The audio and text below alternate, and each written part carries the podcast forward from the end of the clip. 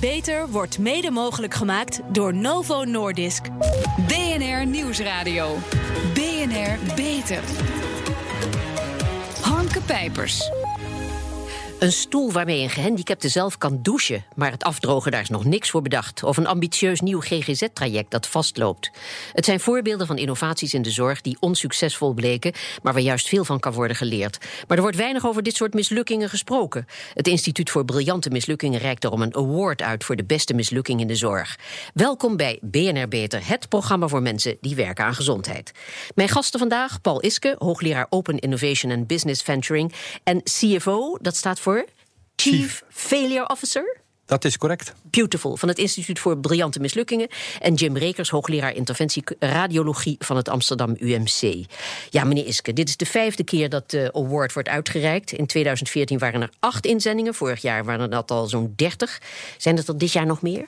Ja, het gaat elk jaar gelukkig een stuk makkelijker. Dat komt omdat uh, enerzijds er toch wel best wel aandacht bestaat voor het onderwerp... en mensen langzamerhand beginnen te wennen aan het idee. En anderzijds ook steeds meer organisaties hiervan weten... en ook uh, willen uh, meedingen naar deze prestigieuze prijs. Ja, um, en, en het gaat dus de goede kant op zo goed... dat we mogen verwachten dat de awards binnenkort overbodig zullen zijn... omdat iedereen dan wel over mislukkingen durft te praten? Nou ja, uh, zelfs als mensen er nog over praten... is het nog steeds moeite om die kennis ook te delen. en, en dat delen gaat onder meer door bekendheid te geven aan de casussen via zo'n award. Ja. Meneer Rekers, u won de award bij een van de eerste edities. Daar gaan we het zo nog over hebben. Maar toen u voor het eerst hoorde dat u genomineerd was, was dat even slikken? Het was in het begin wel even slikken, omdat jij denkt toch, ja, briljante mislukking. Je wordt natuurlijk niet graag geconfronteerd met een mislukking. Maar toen ik me goed realiseerde dat het natuurlijk niet over een persoonlijke mislukking eh, ten aanzien van patiëntenzorg ging, maar gewoon ten aanzien van eigenlijk ontwikkelingen en, en, en, en innovaties. Ja, toen had ik er wel vrede mee. Ja, want uh, meneer Iske, wat is precies het doel van de uitreiking van deze award? Nou ja, laten we eerst even zeggen dat het inderdaad over briljante mislukkingen gaat. En een briljante mislukking is dus een, een goed bedoelde poging... waar mensen echt iets goeds proberen te doen. Nou, dat zullen we straks horen eh, in het geval van uh, meneer Reken... dat dat zeker het geval is. Iemand doet zijn best. Alleen ja, het resultaat wijkt af. Uh, en je kunt er een hoop van leren. Uh, zo, eigenlijk is het iets waar je heel erg trots op kunt zijn. En ik hoop ook dat meneer Reken dat is. En, en, en daarom reiken we die prijs uit. Juist om niet alleen dat klimaat te verbeteren... maar juist ook om die kennis te delen. Ja, maar, want er valt nog veel aan het innovatieklimaat te verbeteren? Ja, zeker. Het is, ja? Uh, kijk, de zorg is natuurlijk uh, in, in meerdere opzichten complex. Uh, het gaat over complexe zaken, behandelingen, organisaties die complex zijn. Met een complexe manier van financiering, heel veel stakeholders. Dus ja, ik kan niet zomaar verwachten dat op korte termijn alle mislukkingen de wereld uit zullen zijn. Dat zal door blijven gaan. En aan de andere kant moeten we blijven innoveren, er moet vernieuwing blijven komen. Ja. En nog een keertje zien we ook dat er ook heel veel ontwikkelingen zijn buiten de zorg, waar de zorg wat mee kan. Denk aan nieuwe technologie, denk aan uh, nieuwe zaken als, als artificial intelligence, al dat soort zaken. We moeten er wat mee. En dat gaat, ja, zoals het altijd gegaan is, met vallen en opstaan. Ja, meneer Rekers, wordt er wat u betreft uh, genoeg geïnnoveerd in de zorg in Nederland? Nee, ik denk dat er echt veel meer geïnnoveerd kan worden in de zorg in Nederland. We zouden veel meer uh, projecten kunnen aanpakken en ook projecten veel sneller en beter kunnen implementeren. Ik, ik, denk dat we daar nog veel grote stappen kunnen maken. Ja, u won, zoals gezegd, de award bij een van de eerste edities. Hè. Dat was in 2014 voor uw onderzoek naar embolisatie. Dat is een methode, heb ik begrepen, om bloedvaten die vleesbomen in de baarmoeder voeden dicht te maken, waardoor zo'n vleesboom niet meer groeit. Nou, dat blijkt goedkoper, leidt tot kortere opname, is minder ingrijpend dan het verwijderen van de baarmoeder. Buitengewoon nuttig. Heeft bovendien zijn effect bewezen. Ja, dat klinkt nou toch niet bepaald als een mislukking. Nee, het is natuurlijk uh, wetenschappelijk ook geen mislukking. En we hebben zelfs nu de tien jaar follow-up van deze studie, waaruit blijkt dat het nog steeds even goed is als het verwijderen van een, uh, een baarmoeder bij vrouwen met vleesbomen. Maar het is natuurlijk wel een mislukking, omdat maar 5% van de Nederlandse vrouwen daarvoor in aanmerking komt. En want de andere vrouwen krijgen dat gewoon niet aangeboden. En erger nog, uh, de vrouwen die 5% zijn waarschijnlijk alleen maar zeer assertieve vrouwen die het allemaal zelf al uitgevogeld hebben via het internet en bij hun specialisten het eisen. Dus het is echt dramatisch dat zo weinig mensen maar deze behandeling, die veel goedkoper is en ook veel patiëntvriendelijk is, gewoon niet aangeboden krijgen. Dat vind ja. ik een enorme mislukking. working Want de, de behandelende gynaecologen die waren niet enthousiast? Of wat zat hierachter? Ehm, nou, laten we dat zo zeggen. Ze waren niet enthousiast om de patiënt door te verwijzen. Want dat is het Ach. probleem. Ze moeten natuurlijk dan de patiënt doorverwijzen naar een interventieradioloog. Ja, en dan stuurt iemand anders een rekening. En ja, dat verstoort natuurlijk toch de balans eh, zoals die over de jaren gegroeid is. Tja, u noemde dit eerder de grootste frustratie van uw carrière. Maar heeft het u nog wat opgeleverd in de zin dat u er iets van geleerd heeft? Ja, ik heb er wel van geleerd dat als je nu gewoon zo van geld wil hebben. Want dit onderzoek heeft een miljoen gekost. Dat Ja. is door, door, door de staat, dus door eh, Zon en W betaald. Eh, als, als je zoiets gaat doen, dat je eigenlijk van tevoren eerst maar eens moet gaan uitzoeken. dat wat er ook van uitkomst uitkomt. of dat wel binnen de beroepsgroepen geaccepteerd gaat worden. Dus eerst maar een soort haalbaarheidsonderzoek doen. voordat je eh, dit pad, die studie heeft jaren geduurd. Er hebben honderden vrouwen aan meegewerkt. Dus ja, voordat je dit pad op gaat, eerst maar eens goed uitzoeken van of er wel een.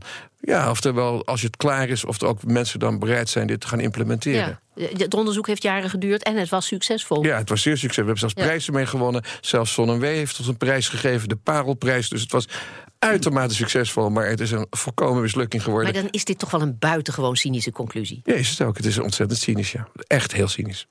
Goed, dit is jaren geleden. Hè. Eh, inmiddels zijn alle gynaecologen overtuigd van de methode. We hebben net een grote enquête gehouden. Eh, die is net af. Mhm. En eh, een groot deel van de gynaecologen gelooft er überhaupt niet in. En vindt eigenlijk dit onderzoek of deze behandeling. Maar ja, dat is nooit goed uitgezocht en dat soort dingen. Dus het, is, het blijft heel ingewikkeld om, ja, om toch hier een soort consensus in te vinden. Tja, ja, u, laat, u laat u heel voorzichtig uit. Maar moet ik hieruit concluderen dat de meeste gynaecologen hun inkomen belangrijker vinden dan het welzijn van hun patiënten? Het zijn uw woorden, laat ik het eerst zo Ja. zeggen. En daarnaast. Ik heb erover nagedacht. Ja, dat begrijp ik. We hebben er ook geen wetenschappelijk onderzoek naar gedaan, dus zo hard kan ik het niet maken. Nee. Maar het lijkt me een redelijke conclusie die waarschijnlijk wel klopt, ja. Nou, nou, het is iets wat we wel vaker zien in innovatieland. Dat een, eh, een nieuw alternatief, wat soms ook inderdaad beter is, niet noodzakelijkerwijs eh, geadopteerd wordt. Eh, en dat is dan ook de les die wij eh, getrokken hebben. Hè. We analyseren al dat soort voorbeelden. Ja. En het, eh, ja, het geval hier is dus dat je ja, een, een soort van eh, barrière over moet. Hè. Mensen moeten overtuigen. Eh, die ook misschien daar wel eh, niet per se direct zelf voordeel van ondervinden. Dat noemen wij zelf eh, de verkeerde portemonnee. maar het heeft ook iets te maken met wat wij noemen de canyon. Een gewoonte van hoe werkt men. ja, en dit, dit vra- vraagt een andere manier van werken, een andere doorverwijzing. Ja. Ja, en dat zijn veranderingen. En we weten allemaal, iedereen wil het anders, maar niemand wil veranderen. Ja. Maar u heeft meneer Rekers dit jaar weer uitgenodigd, ondanks dit treurige verhaal van succes wat niet beloond werd. Dit keer in het kader van de tweede kans, want u bent er nog steeds van overtuigd dat van deze mislukking wel een succes kan worden gemaakt. Ja, zeker niet hier alleen. Eh, ik- We doen heel veel eh, onderzoek naar eh, innovaties die het niet meteen maakten. En daar zijn natuurlijk heel veel redenen voor te verzinnen. En heel veel voorkomende reden is dat iets gewoon niet goed getimed is. Soms komt iets te vroeg, soms komt het te laat. En dan was het eigenlijk best een goed idee. Ja. Of er ontbrak net een stukje kennis of net een stukje support. En al die dingen, die, al die onderwerpen en al die vernieuwingen, waaronder die van meneer Rekers, ja, daarvan vinden wij eigenlijk zonde dat dat dan niet meer van de grond komt. Dus we hebben een nieuw initiatief gestart. Dat heet het Tweede Kansenloket. Dan kun je jezelf nomineren of anderen kunnen jou Klinkt ook nomineren. heel veelbelovend. En, en dan, dan gaan we onderwerpen waarvan iedereen eigenlijk zegt... ja, het is toch eigenlijk zonde dat dat niet gelukt is... of wat raar dat dat niet lukt... of ja, nu zou het toch wel moeten Ja. kunnen. Dat willen we eigenlijk door een soort Nee, proces halen... het. waardoor mensen Ja. alsnog die kans krijgen... om alsnog een succes voelt te u zich worden. gelukkig bij het tweede Kijk, we hebben in? Nederland een NZA. En die bepaalt van alles wat in de basiszorg komt, alles wat Ja. vergoed wordt. En als iets niet goed wetenschappelijk onderbouwd is, het, is, eh, het klopt niet helemaal, dan is het heel simpel. Dan wordt er gewoon geen geld voor uitgetrokken. Logisch en terecht.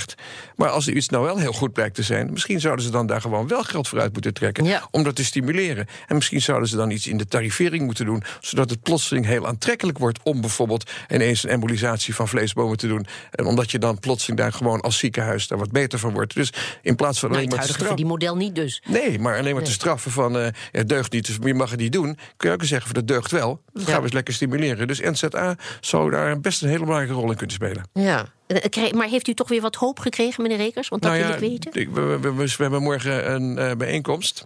En dan hoop ik dat NZA er ook is. En ik denk het wel. En dan zullen we dit maar eens aan de orde stellen. Ja. Nou, dat is het goede nieuws dan inderdaad. eh, sinds dit jaar is de NZA zeer eh, nauw betrokken. Eh, Mevrouw Kaljouw is erg enthousiast over het instituut. Mhm. Ja. Dus eh, ja, dit soort partijen hebben we nodig. Ik, ik kan niet precies eh, bepalen welke partijen allemaal precies nodig zijn. Maar dit is nou precies zo'n voorbeeld waarvan we zeggen... nou, als daar nou eens op een nieuwe manier naar gekeken wordt... Ja. eh, kunnen we misschien een doorbraak eh, realiseren realiseren. Waardoor uh, de opschaling van dit verhaal, want daar komt het uiteindelijk het probleem nu op neer, uiteindelijk toch gestalte kan krijgen. Ja, vertel, de briljante mislukkingen van dit jaar. Wat behalve dit verhaal, wat kunt u vertellen over de producten of projecten van dit jaar die zijn ingestuurd?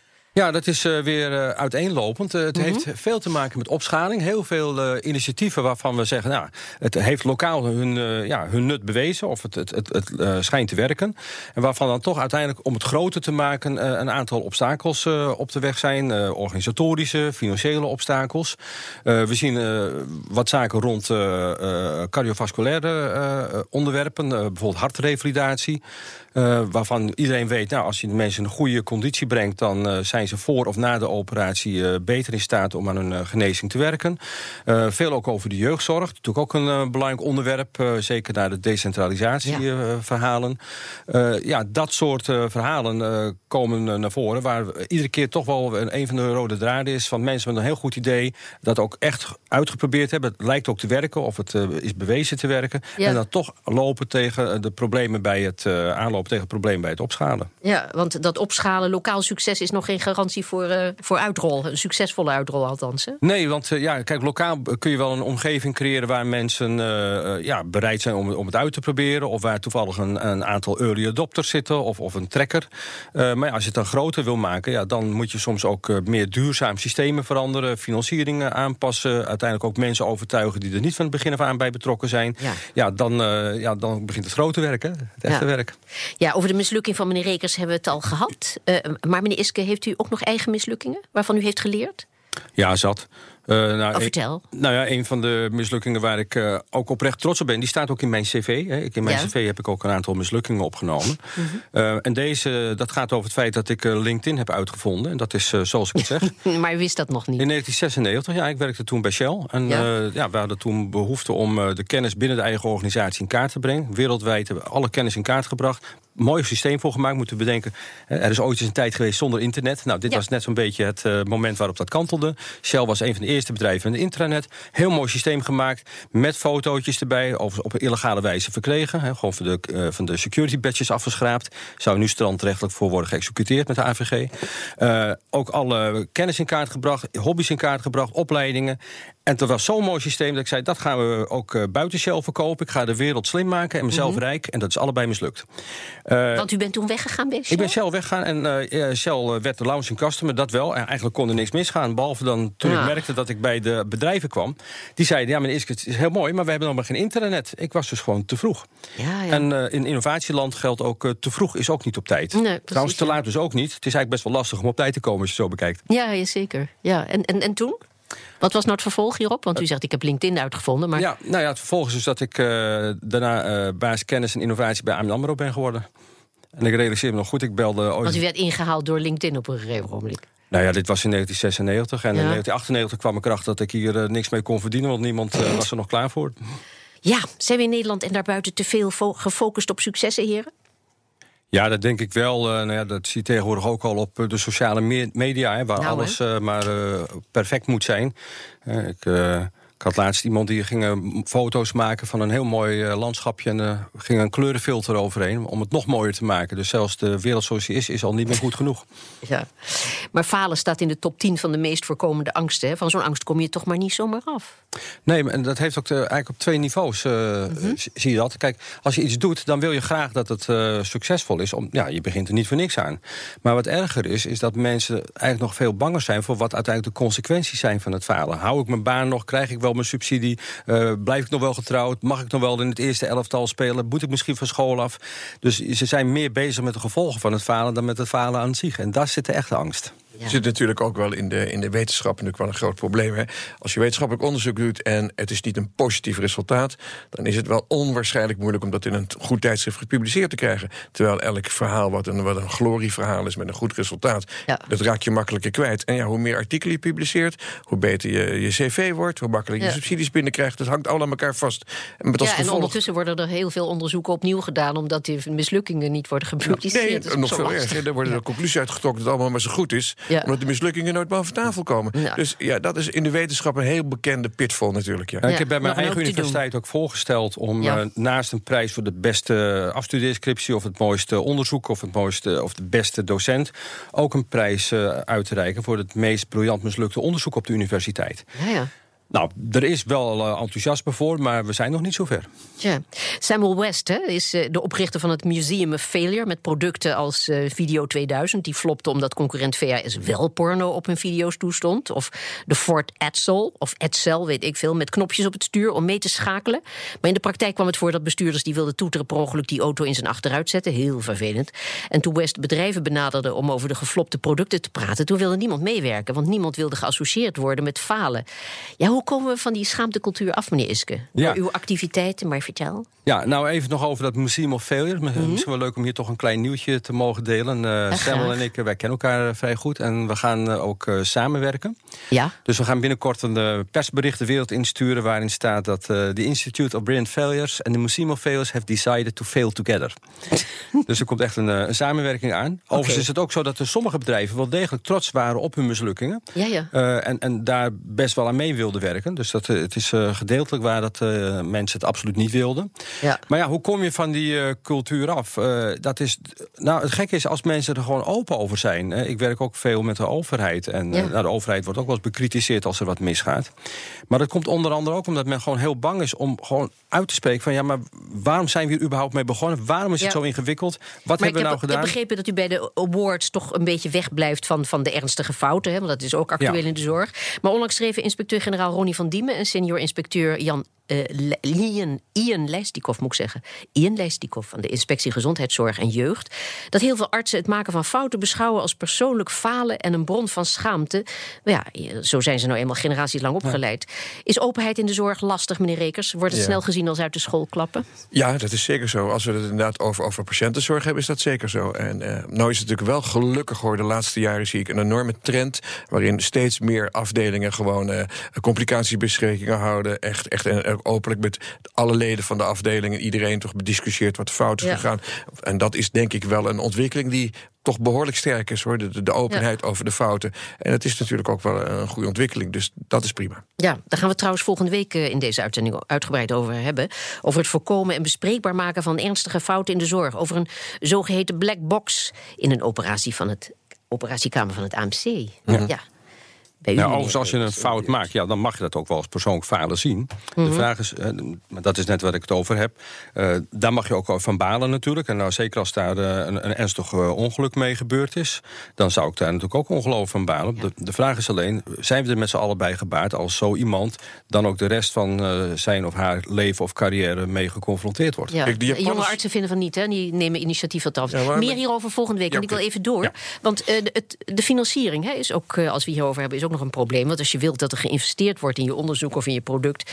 dan moet je er ook kosten wat kost voor zorgen dat, er, dat het geen mislukking wordt, toch, meneer Rekers? Nou, dat is tegenwoordig wel heel erg. Want eh, wij zijn natuurlijk ook door deze overheid min of meer verplicht om voor een deel van onze onafhankelijke, tussen aanhalingstekens, wetenschappelijke studies, eh, gewoon met de industrie contracten af te sluiten. Ja. En, ja, en toch, het is wie een brood men eet, wie een taal men spreekt. En het is toch een beetje moeilijk om daar gewoon een goede balans in te vinden. En ik denk dat de overheid. Ja, over die balans gesproken, want ik ook de verhalen van eh, zeg maar de promotieonderzoeken, die als, prom- als de promotie gebeurd is, gewoon blijven liggen en niet verder ont- worden ontwikkeld, omdat die nee. contacten er niet zijn. Maar dat is het weinig. probleem. Het echte, het woord onafhankelijk onderzoek. Het klinkt een beetje pathetisch. Mhm. Maar dat is toch wel eh, ja, erg eh, moeilijk tegenwoordig. als je ook altijd maar weer die industrie erbij moet halen voor de financiën. Die hebben gewoon, hoe je het ook bent of keert, altijd een ander belang. Ja, meneer Iske, bent u het daarmee eens? Is het een groot probleem? Nou, ja, het is wel een probleem. Maar of dat nou alleen maar aan het feit ligt dat je met de industrie moet samenwerken. Wel is het zo dat eh, de meeste durfkapitaal, gek genoeg, eigenlijk door de overheid wordt verstrekt. Want dat zit hem in de fundamentele research. Ja, ja.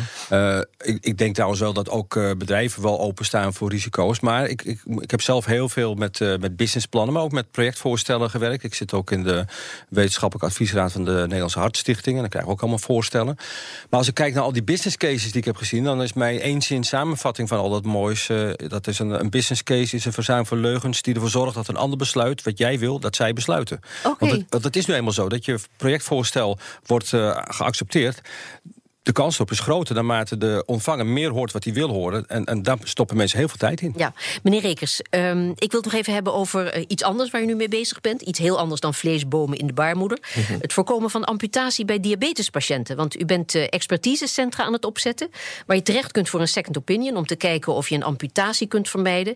Vertel, waarom is dat een goed idee en waarom is dat zo heel hard nodig? Ik doe het niet alleen. Ik doe het samen met een, andere beroepsgroepen. Onder andere internisten en chirurgen. Maar waar het hard nodig is. Omdat er gewoon inderdaad uh, mensen die dit probleem hebben, eigenlijk gewoon niet weten waar ze terecht moeten. En als je in het land om ons heen kijkt, dan heb je overal van die centra. Ja. In België, in Duitsland, in Engeland. En dan, gaat, dan kun je gewoon heen met je vaatprobleem als je een diabetespatiënt bent. Ja. En in Nederland. Maar het is vooral heel hard nodig omdat je, dat je daar heel snel mee moet zijn. Want zijn, het gaat al heel gauw mis. Dat is mijn stelling, hoewel ik dat ook niet keihard kan onderbouwen, maar dat er Hm? in Nederland een paar duizend benen per jaar afgaan. die er niet af zouden moeten als we expertisecentra zouden hebben. waar mensen betere en, en, en gewoon meer toegepaste zorg kregen. Ja, Absoluut. ik las ergens eh, 2500 van die Ja, amputaties vinden er plaats. Je moet binnen een paar dagen beslissen. Ja. Ja. dat zie ik dan nog wel een beetje als een probleem. Want het, het is een heel werk om dat voor elkaar te krijgen. Want de patiënt moet dus weten dat er haast bij is.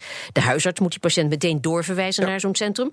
Ja, hoe gaat u, ervoor, gaat u ervoor zorgen dat u hier geen mislukking award voor gaat krijgen? Ja, dat is dus weer hetzelfde. Je moet dus zorgen dat je kan wel een prachtig plan hebben en het goed uitwerken. Maar je moet zorgen dat het natuurlijk breed uitgezet wordt. En je zult dus inderdaad met die huisartsen moeten gaan praten en met de collega's moeten. En dan ook weer het doorverwijzen van een patiënt, hoe je draait, wendt of keert, kost het het ziekenhuis gewoon inkomsten. Dus daar zul je ook een modus van moeten vinden dat het doorverwijzen niet meer eh, een belasting is voor eh, het budget van het ziekenhuis die verwijst. Ja, precies. Het hele verdienmodel, dat moet Ja, dus anders. anders. Ja. Moet terwijl ja, dit, hier valt ongelooflijk veel eh, leed en ziektelast mee te besparen. Dat is volkomen duidelijk. Dus laat het lukken. Ik moet het hierbij laten. Hartelijk dank, Paul Iske en Jim Rekers. Pioniers in de zorg. Onze zorgredactie speurt naar interessante medische innovaties binnen en buiten de muren van de universiteit. Waar werken ze aan en wat moeten wij hierover weten? Esther Jansen, vandaag wil jij het hebben over het licht. Ja, want het kan namelijk helpen om te spelen met het licht binnen kantoren om je medewerkers gezond te houden. Dat zeg ik even heel kort door de bocht. Ja, want waar baseer je dat op? Marije te Kulve deed onderzoek naar het effect van verlichting op de temperatuur van het lichaam en op de beleving van de omgevingstemperatuur. En ze promoveerde, promoveerde hier onlangs op. Veel mensen zijn een groot deel van de dag binnen. Voor sommige mensen is dit zelfs 90% van de dag. En daardoor word je niet blootgesteld aan de variaties in licht en temperatuur van buiten. En in een kantoor wordt zowel het licht als de temperatuur vaak constant gehouden. En dat is niet per se goed voor de kantoormens? Nee, want uit eerder onderzoek is gebleken dat variaties in temperatuur juist eh, goed zijn voor je energiestofwisseling. Eh, dus het zou goed zijn eh, voor je als de temperatuur in een kantoorgebouw een beetje schommelt. Maar in veel kantoren wordt de temperatuur best constant gehouden. Dus met vaak als reden dat mensen het niet echt bepaald fijn vinden als het bijvoorbeeld voor een gevoel te koud is. Maar uit onderzoek van Marije de Kulve bleek dat wanneer de intensiteit en kleur van het licht op kantoor wordt aangepast, dus bijvoorbeeld als de verlichting een eh, warmere kleur krijgt, dat mensen ook het gevoel hebben dat het wat warmer is op kantoor. En eh, dan dat het eigenlijk daadwerkelijk is. Goh, kan niet geloven. Maar ze adviseert dus nu aan werkgevers om het licht een tint warmer te maken, zodat de temperatuur een stuk lager kan. Beter voor de gezondheid, beter voor de portemonnee, zoiets. Nou, niet helemaal, want ik heb Marije de Kulve even gebeld. Uh, maar mensen zijn toch wel heel erg verschillend, legde zij mij uit. Uh, wat blijkt is eigenlijk dat wat voor een conditie mensen het meest aangenaam vinden met verlichting, dat verschilt echt per persoon. Dus het altijd alles maar klimatiseren of voor de hele verdieping, zeg maar, voor iedereen hetzelfde. Dat werkt gewoon niet, omdat mensen zowel uh, qua temperatuur als verlichting gewoon heel verschillend zijn in wat, uh, wat ze aangenaam vinden. Tja, daar ben je als werkgever mooi klaar mee als je vooral kantoortuinen hebt met verschillende mensen. Dus gewoon weer terug naar de aparte kantoortjes? Slopen de boel? Nou ja, dat zou je kunnen voorstellen, maar het is nou niet zo dat ze helemaal niks kunnen veranderen. Want bijvoorbeeld een lamp op je bureau die je zelf kan bedienen, kan al een positief effect hebben. Dus uh, nou ja, ik moet maar eens maar uh, de baas uh, een aanvraag doen hiervoor, want ik heb het zelf ook altijd vrij koud op kantoor. Ja. Veel succes hoor. Dankjewel, Esther Jansen. En tot zover deze uitzending van BNR Beter. Op bnr.nl/slash beter is deze uitzending terug te luisteren of on demand via de BNR-app, Spotify of iTunes. We zijn ook op Twitter te vinden onder BNR Lifestyle. Heeft u tips voor ons? Laat het ons vooral weten. Doe dat. Ik ben Harmke Pijpers. Graag tot een volgend spreekuur. BNR Beter wordt mede mogelijk gemaakt door Novo Nordisk.